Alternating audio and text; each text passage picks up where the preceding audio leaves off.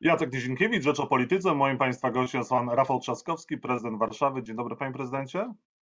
Dzień dobry, dzień dobry Państwu. Panie Prezydencie, czy Warszawa jest przygotowana na walkę z epidemią koronawirusa? No ja przypominam, że za walkę z epidemią przede wszystkim odpowiada rząd. To tak stanowią wszystkie ustawy i dzisiejsze rozporządzenia. Natomiast na tyle, ile Warszawa może być gotowa, na tyle jesteśmy oczywiście gotowi. Robimy wszystko, co w naszej mocy codziennie, żeby jak najlepiej stawiać czoła koronawirusowi i żeby po prostu warszawiacy byli bezpieczni. No właśnie w Warszawie jest e, największa liczba zakażeń, ponad 250. E, pan swego czasu zakazał, znaczy zmienił, do, do, doprowadził do tego, że został zmieniony rozkład jazdy e, komunikacji miejskiej na weekendowy. To był błąd, w końcu została przywrócona normalna jazda autobusów i, i tramwajów. Panie redaktorze, no zależy, czy chcemy rozmawiać o propagandzie, czy chcemy rozmawiać o racjonalnych zachowaniach. Ja się muszę zachować absolutnie racjonalnie, w związku z tym przerzuciliśmy się na elastyczne e, zarządzanie czasem z bardzo prostej przyczyny. Z takiej, że mamy problemy z obsadą e, motorniczych i kierowców i że uznaliśmy, że trzeba wysyłać autobusy i tramwaje tam, gdzie one są naprawdę potrzebne. Stąd przeszliśmy na elastyczny rozkład jazdy, gdzie reagowaliśmy z dnia na dzień na potrzeby tego ruchu, który w Warszawie był. On był niewielki, dlatego że tylko 24% warszawiaków korzystało z komunikacji miejskiej. Natomiast oczywiście no, tamta strona, niestety niektórzy politycy postanowili to wykorzystać cynicznie, zaczęły się ataki. Natomiast ja mam główny problem z tym, jak komunikuje to rząd, bo z jednej strony główny inspektor sanitarny e, wysłał do nas pismo, że mamy przywrócić ten statyczny rozkład jazdy, a z drugiej strony rozporządzenie, rozporządzenie rządowe wymaga właśnie elastyczności. W związku z tym myśmy wczoraj puścili na trasy wszystkie autobusy i tramwaje, jakie mogliśmy, po to, żeby się elastycznie dostosowywać do tego, do tych wymagań rządowych z rozporządzenia, tak żeby te odstępy między pasażerami były jak najmniejsze. Wyszło na to, że oczywiście trzeba się zachować po prostu racjonalnie w tej sprawie. E, no, ale widzieliśmy też te e, ściski ludzi w komunikacji miejskiej, w autobusach, zdjęcie, czy też ludzi, którzy no, dużych grupach wychodzili z tramwajów, z autobusów, kiedy ich było znacznie mniej po pańskiej decyzji. Pytanie, czy to był błąd, czy nie wiem, może pan przeprosi za Nie, panie, ale jaki błąd, panie redaktorze, ale, ale jaki błąd? To, żeby się dostosowywać elastycznie do sytuacji, to i dlaczego to jest błąd? No dokładnie tak się trzeba zachowywać.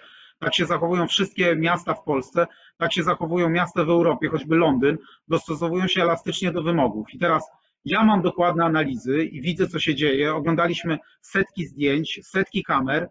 W 99% przypadków nie było żadnych problemów, natomiast zawsze można znaleźć takie miejsce, zrobić zdjęcie, gdzie akurat jest trochę za dużo osób. Ja widziałem e, samochody TVP, które stały godzinami po to, żeby sfotografować zrobić jedno zdjęcie czy jedno ujęcie. No pytanie jest takie, czy my chcemy ze sobą współpracować, czy my chcemy uprawiać propagandę. Ja nie atakuję rządu, współpracuję z rządem. Przez 8 dni udało się współpracowywać bez żadnego, bez żadnego szumu medialnego. Natomiast tutaj oczywiście niektórzy cyniczni politycy PiSu oraz e, propaganda pisowska wyczuła, że z tego można zrobić problem i próbuje z tego robić problem. A ja proszę o jedno, dajcie mi racjonalnie zarządzać komunikacją miejską, tak żeby próbować te zalecenia, które rząd w tej chwili opracował, wcielać w życie. Jeżeli chcemy naprawdę dbać o odstępy między pasażerami, to rozkład jazdy musi być elastyczny. Jeżeli chcemy dbać o to, żeby w ogóle komunikacja działała przy tym, że mamy coraz mniej kierowców i coraz mniej motorniczych, rozkład jazdy musi być elastyczny. Dokładnie tak samo jak we wszystkich innych miastach w Polsce. A nie powinno być więcej teraz y, tych autobusów i komunikacji miejskiej? Panie redaktorze, zależy gdzie. Musi być tam więcej, gdzie jest konkretna potrzeba. My reagujemy elastycznie. Mamy raporty z kamer, mamy raporty od kierowców i od motorniczych i tam posyłamy więcej autobusów i tramwajów. Jakiś ma sens statyczny rozkład jazdy na trasach, na których nikt prawie nie korzysta z komunikacji. No komunikację trzeba puścić tam, gdzie ona jest potrzebna. Jeżeli rząd mówi, najpierw mówi, że przywróćcie statyczny rozkład jazdy, bo to pasuje do propagandy, a z drugiej strony wprowadza rozporządzenia, które mówią o odległości między pasażerami. No jeżeli odległości od pasażera między pasażerami się liczą i ja się z tym zgadzam, bo chodzi o to, żeby zarządzać sensownie tym ruchem, no to wtedy musi być elastyczny system, czy elastyczny rozkład jazdy, a nie ten statyczny sprzed czasów e, epidemii. I jeszcze raz podkreślam, do tego dochodzą tego typu historie jak pacjenci z koronawirusem, którzy wchodzą do SKM albo do metra, co powoduje, że trzeba zamykać linie, trzeba zarządzać tym całym zasobem w sposób elastyczny. Więc dokładnie to robiliśmy od samego początku i dokładnie robimy to dzisiaj. Panie prezydencie, a co z parkingami? Czy one zostaną, czy warszawiacy, czy mieszkańcy, czy, czy ludzie parkujący w Warszawie zostaną, zostaną zwolnieni z opłat? Nie. Dlaczego nie? To nie byłoby lepsze, żeby właśnie ludzie przyjeżdżali samochodami, a nie parkowali, a nie jeździli komunikacją miejską i się narażali na bycie w zatłoczonych miejscach? Panie redaktorze, znowu, czy rozmawiamy o tym, jak racjonalnie zarządzać e, miastem i podejmować racjonalne decyzje, czy tylko i wyłącznie kierować się hasłami, e, które łatwo się sprzedaje w mediach? Otóż, jeżeli chcemy podejmować racjonalne decyzje, tak jak ja, to uważam, że w Warszawie powinniśmy w tej chwili zadbać o to, żeby było relatywnie łatwo zaparkować samochód. W tej chwili mamy puste ulice, ale miejsca parkingowe w 80% są zajęte. Z prostej przyczyny, że bardzo dużo samochodów stoi po prostu na tych pozwoleniach, które mają mieszkańcy. I dzisiaj, jak jeździmy po Warszawie, w zeszłym tygodniu, dzisiaj, to y, można relatywnie łatwo znaleźć miejsce. I o to dokładnie chodzi, żeby móc znaleźć miejsce, jeżeli się jedzie do szpitala, jeżeli się jedzie pomóc seniorowi, jeżeli się jedzie na zakupy, jeżeli musi się załatwić jakąś sprawę urzędową.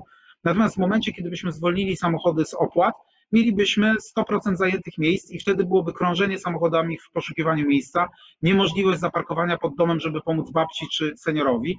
Także to są wszystko racjonalne decyzje. Olbrzymia większość miast prowadziła dokładnie te same decyzje poza Krakowem, gdzie mamy rzeczywiście zupełnie inny układ strefy i kilka stref i w ogóle zakaz poruszania się po ścisłym centrum. I to znowu są racjonalne decyzje, one nie wynikają z żadnych innych przesłanek. My w tym bardzo trudnym czasie próbujemy komunikacją miejską, parkingami, podlegającymi nam e, szpitalami, czy w końcu edukacją zarządzać w sposób jak najbardziej efektywny. A czy bazarki powinny być otwarte? Pytają internauci. To są pytania do rządu, jak on interpretuje swoje rozporządzenia. Ja uważam, że bazarki, które spełniają funkcję sklepów e, spożywczych, czyli w których się sprzedaje warzywa, owoce e, przy zachowaniu odpowiednich odstępów na świeżym powietrzu, e, jak najbardziej tak, dlatego że przecież to są e, jak normalne sklepy spożywcze i nawet bezpieczniejsze, bo na świeżym powietrzu. Natomiast jeżeli to są bazarki, które handlują, nie wiem, elektroniką czy ubraniami, to, to, to nie, ale to są pytania do rządu, dlatego że wszystkie pytania dotyczące rozporządzeń, co może być otwarte, co może być zamknięte, jak można się poruszać, jak interpretować przepisy, czy można pojechać rowerem do lasu, czy nie. To są pytania do rządu. My też te pytania zadajemy, bo to rząd y, nie tylko, że wprowadza te rozporządzenia, więcej. Rząd sobie zarezerwował prawo w tych wszystkich rozporządzeniach do polityki komunikacyjnej. Ja na przykład nie mogę mówić, ile dokładnie jest chorych w Warszawie, y, dlatego że to są informacje, które ma podawać tylko i wyłącznie rząd. Po to, żeby była, żeby była jedno i żeby było jedno źródło informacji, żeby nie, nie wprowadzać chaosu tutaj informacyjnego. Prezydencie, a czy Warszawa jest przygotowana na wybory 10 maja i pan zrobi wszystko, żeby te wybory prezydenckie odbyły się bez przeszkód i przygotuje pan miasto? Ja uważam, jak absolutnie większość włodarzy miast w e, Polsce, że e, zrobienie wyborów 10 maja jest niemożliwe ze względów na bezpieczeństwo. Ja wystarczy, że popatrzymy na to, co się stało we Francji druga tura została odwołana, po tej pierwszej bardzo wiele osób, które pracowały w komisjach wyborczych było zarażonych. Notabene chcą pozywać państwo o to, że te, że te wybory były organizowane. I teraz ja przede wszystkim Pan zadaję rozumie, pytanie do Zgadza się Pan z tym, że chcą pozywać państwo? Ja rozumiem frustrację i rozumiem, że to jest błąd, który został podjęty przez administrację prezydenta Macrona, żeby te wybory organizować. Ja zadaję, moim obowiązkiem jest bycie poważnym i racjonalnym. Ja naprawdę dzisiaj swoją czapkę polityczną staram się zdejmować z głowy i e, działać jako odpowiedzialny włodarz miasta. I ja zadaję rządowi pytania, w jaki sposób bezpiecznie zorganizować te wybory, w jaki sposób zebrać komisje wyborcze, w jaki sposób zapewnić, że będzie dostęp do e, lokali wyborczych w pełni demokratyczny, czy jeżeli na przykład ktoś jest chory, to czy nie zabieramy mu praw wyborczych, jak nawet fizycznie to zorganizować, bo e, nawet próbujemy to liczyć, liczba osób, która jest w konkretnym lokalu wyborczym, jeżeli miały być odstępy co dwa metry, jeżeli tylko by wpuszczać dwie osoby do lokalu wyborczego, to prawdopodobnie te wybory musiałyby trwać kilka dni. Jak zorganizować wybory za granicą? No milion pytań.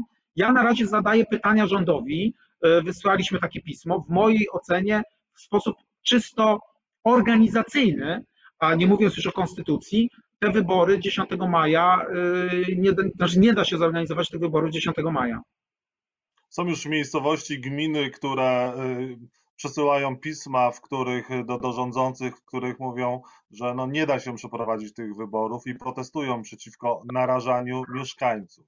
Pan wyobraża sobie, że będzie jedną właśnie z takich osób, które tego typu pismo wyśle do, do władz i nie będzie narażał mieszkańców? Tak, my szykujemy też takie pismo y, mówiące o tym, że nie wyobrażamy sobie organizacji wyborów. My przez cały czas to sprawdzamy. To nie jest tak, że my y, postanowiliśmy powiedzieć nie, bo nie, tylko sprawdzamy, patrzymy, ile osób ewentualnie jest w stanie się w ogóle zgłosić do komisji wyborczych. Liczymy dokładnie to, jakby to wyglądało godzinowo. Zastanawiał, słyszeliśmy o pomysłach, że na przykład ktoś będzie sprawdzał temperaturę ludzi wchodzących do, do y, lokalu wyborczego, no ale to znaczy ktoś ma gorączkę i zabiera mu się prawa wyborcze, no przecież to to wszystko nie ma sensu. Ja już nie mówię o tych, którzy są na kwarantannie, jak to rozwiązać, ale nawet ludzie, przecież dzisiaj e, ja na przykład miałem e, wysoką gorączkę y, dwa tygodnie temu, okazało się, że nie mam koronawirusa, no, a, a wiele osób przecież ma zwykły katar, grypę i, tak, i, i co, wszyscy ci ludzie byliby pozbawieni praw wyborczych, a co z seniorami, którzy słusznie powinni zostać w domu w tym okresie? Ja po prostu pytam i próbuję się zachować w sposób racjonalny. Ja nie mówię nie, bo nie mimo że uważam, że konstytucyjność tych wyborów w, takiej, w, w takich okolicznościach jest bardzo, bardzo wątpliwa.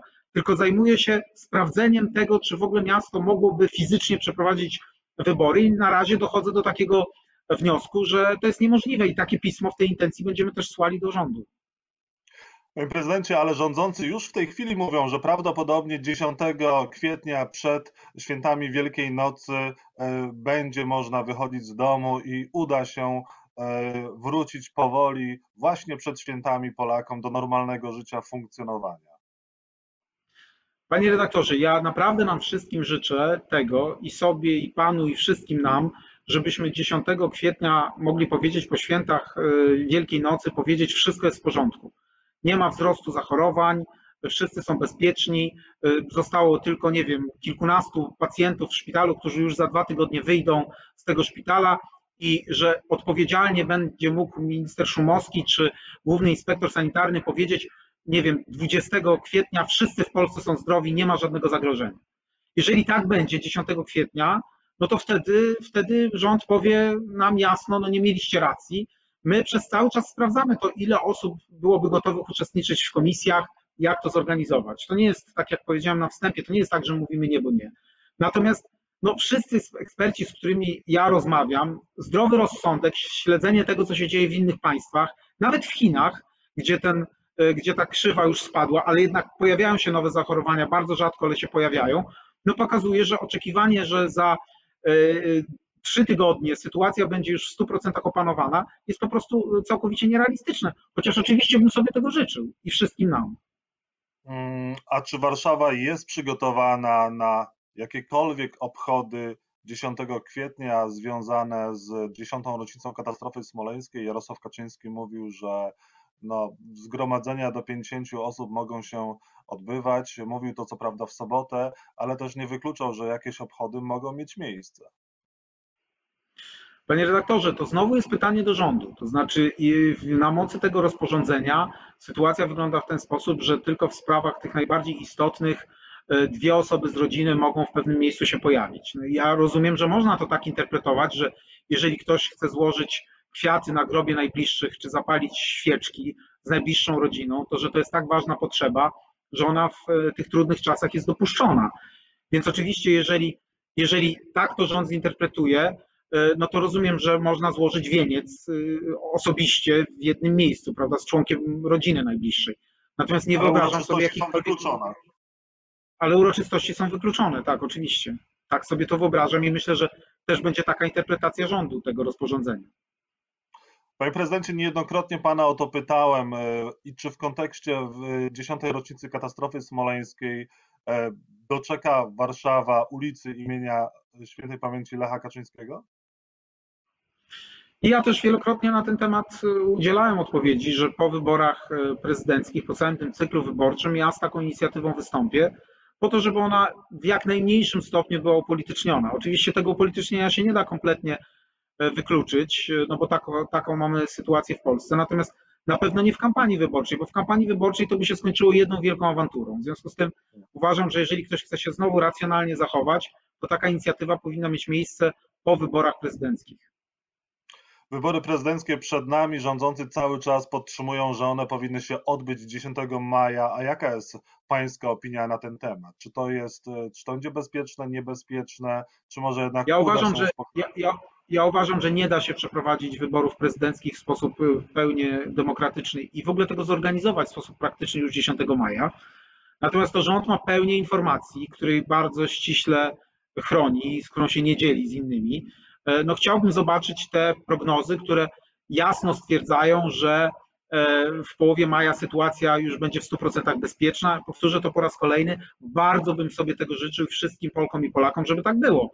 Natomiast wydaje mi się to niestety nieracjonalne, że już 20 kwietnia, y, żeby móc to przygotować, y, żeby ludzie się zgłosili i 10 maja, żeby sytuacja była na tyle opanowana, e, że, że wszystko wróciłoby tak naprawdę do normalności.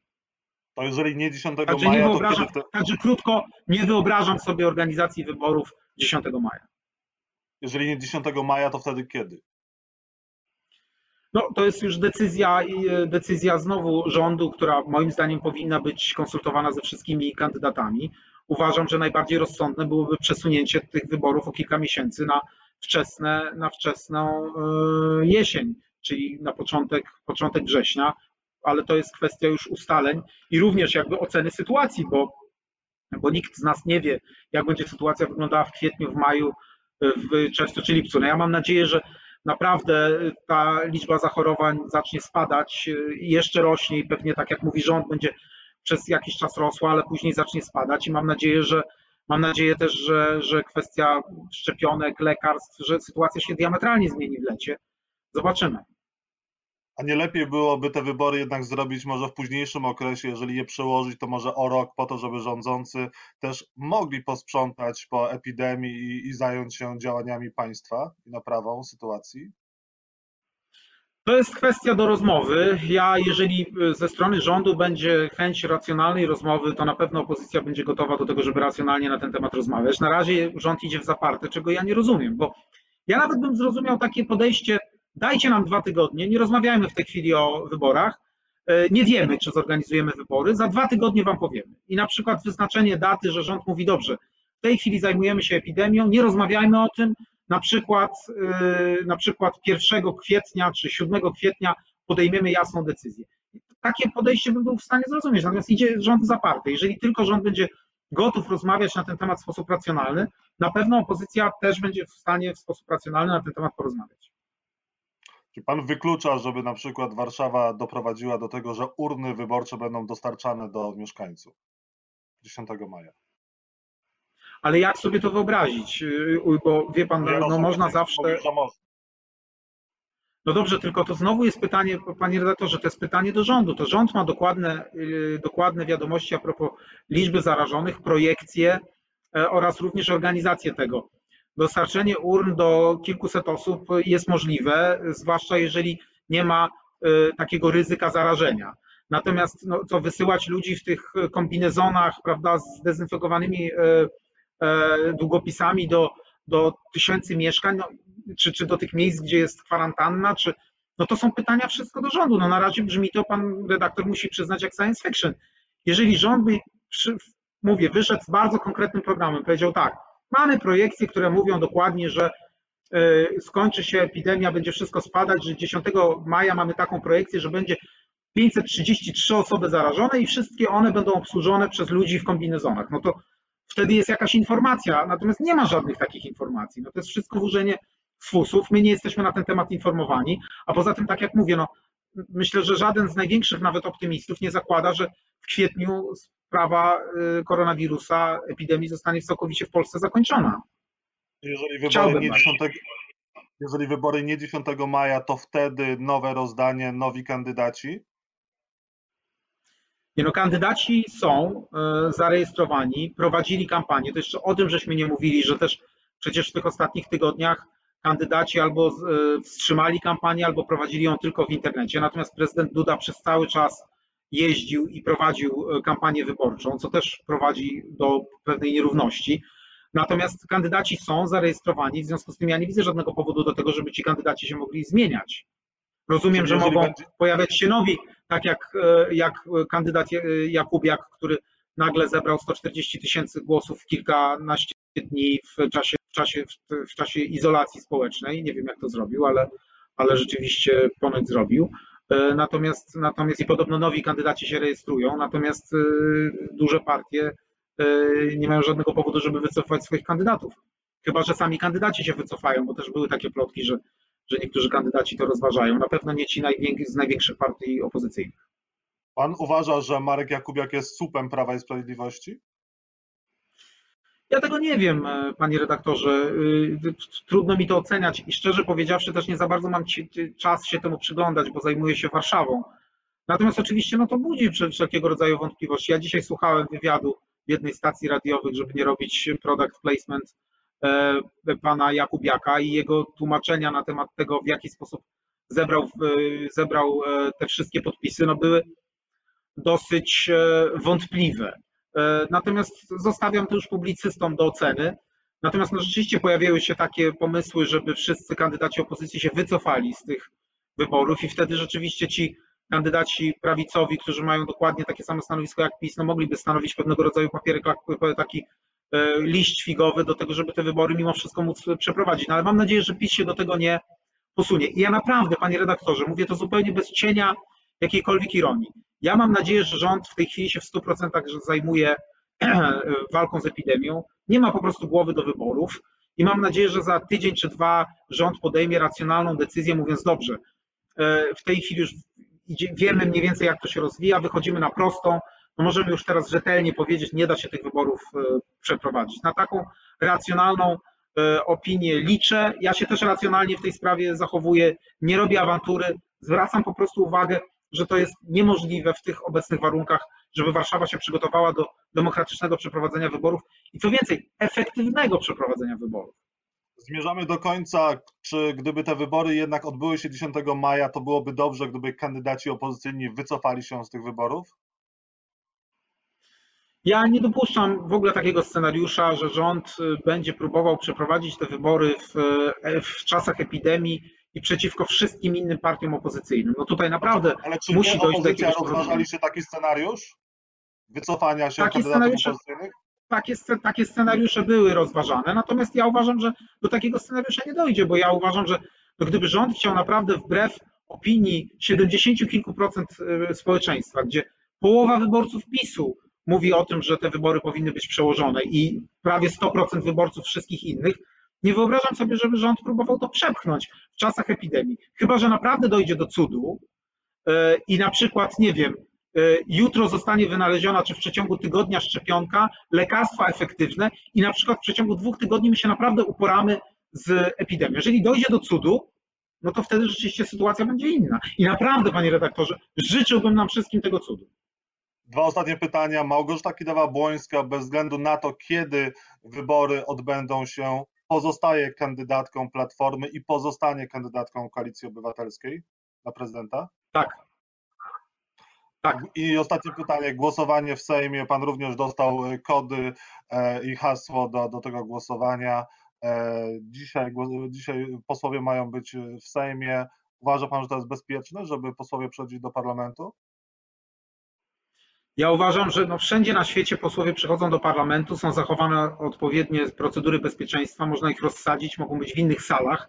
Natomiast y, ja, jako były minister cyfryzacji, pytałem też, już abstrahując od niekonstytucyjności rozwiązania elektronicznego, pytałem o to, czy da się to zabezpieczyć. Sam pomysł, żeby kody wysyłać SMS-em, jest bardzo wątpliwy. No a jeszcze do tego, jeżeli to jest tak zabezpieczone przez takich profesjonalistów, którzy wysyłają kody człowiekowi, który nie jest posłem od dwóch lat, i co więcej, nie jest posłem tej kadencji, bo jeszcze nawet gdybym ja zrezygnował, kadencja by trwała, coś w systemie, ale przecież jest nowa kadencja. Więc to też pokazuje, jak nieprofesjonalnie to było przygotowane i że to jest kompletnie niezabezpieczone. No więc jak ufać takiemu systemowi, który jest kompletnie niezabezpieczony, to zostało wczoraj nie narażacie posłów, nie, nie, naraż, nie narażacie posłów, nie narażacie Polaków. Małgo, e, marszałek e, Elżbieta Witek mówi, że ona nie weźmie odpowiedzialności za to zgromadzenie e, parlamentu. A panie redaktorze, a e, większość z nas jest na pierwszej linii frontu. motorniczy, lekarze, panie, które sprzedają w sklepach, zachowują pewne bardzo istotne warunki bezpieczeństwa po to, żeby móc pracować. Dlaczego posłowie nie mogą zachować odpowiednich warunków bezpieczeństwa? Przecież my nie mówimy o tym, że ma 460 osób usiąść koło siebie, tak jak to było przed epidemią. Można spokojnie kilkanaście sal rozsadzić wszystkich na kilka metrów, y, doprowadzić, tak to zorganizować, żeby, żeby to ryzyko było minimalne. Zminimalizować też liczbę osób potrzebnych do obsługi. To wszystko da się zrobić. Zrobiły to parlamenty w bardzo wielu miejscach. Nie będę używał e, przykładów najbliższych krajów, pozostanie to natychmiast przez propagandę pisowską wykorzystane, więc powiem o Chorwacji, bo chyba tego się już nie da wyjąć z kontekstu, gdzie po koronawirus, trzęsienie ziemi i parlament się spotyka. Oczywiście w zupełnie inny sposób jest to aranżowane z e, odpowiednimi e, odstępami i warunkami bezpieczeństwa. Ufam, że w Sejmie się to da zorganizować. Jeżeli, jeżeli pani E, Joanna, która sprzedaje e, bułki, jest w stanie pracować dzień w dzień e, na bazarku, to dlaczego nie może poseł udać się do Sejmu przy zachowaniu wszystkich środków bezpieczeństwa? Jest pan zdania podobnie jak Małgorzata Kidawa-Błońska, że konstytucja jest ważniejsza od zdrowia? Taką podobną wypowiedź popełniła marszałek. Panie redaktorze, ale to, tak to jest, panie redaktorze, to jest, to jest, to jest fake E, taka e, wypowiedź e, nigdy nie padła i nie, podajmy, nie podawajmy tego dalej w przestrzeń publiczną. Na tym polega dzisiaj problem, panie redaktorze, że my naprawdę wszyscy ciężko pracujemy, stawiając czoła tej epidemii. I rząd, i samorządowcy, i wydawałoby się, że naprawdę możemy na tydzień czy na dwa odłożyć te fake newsy i starać się naprawdę rzetelnie rozmawiać o tym, co dalej. Widać było i w przypadku komunikacji miejskiej w Warszawie, i w przypadku puszczania tych dalej, tych fejków, że jest grupa polityków PiSu, którzy po prostu siedzą w domu, nudzi im się nieprawdopodobnie, nie mają nic do roboty, żadnej odpowiedzialności i zajmują się tylko produkowaniem hejtu, propagandy. E, telewizja publiczna zamiast rzetelnie informować, tu stał wóz z telewizji publicznej na placu bankowym godzinami, próbując zrobić jedno zdjęcie e, autobusu czy tramwaju, że ktoś się z kimś przetnie. No, na to są wydawane 2 miliardy złotych. No więc naprawdę spróbujmy przez te, ten trudny czas rozmawiać w sposób racjonalny. Sam pan redaktor widzi, ja naprawdę zdejmuję ten swój polityczny kapelusz, staram się nie mówić o polityce, nawet nie jestem w stanie czasowo śledzić tego, co robią kandydaci typu kandydat Jakubiak, bo się skupiam na tym, co tu i teraz. I naprawdę nie chcę rządu atakować, mówię o tym, żeby podawać rzetelne informacje. Jeżeli mam jakiś problem, to zadaję pytania rządowi. Po prostu zadaję pytania jako człowiek, który ma pomóc we wcielaniu w życie tych wszystkich decyzji. Musimy kończyć. Bardzo dziękuję za rozmowę. Moim Państwa gościem pan Rafał Trzaskowski, prezydent Warszawy. Dziękuję za rozmowę. Dziękuję. Proszę uważać na siebie. Dziękuję bardzo.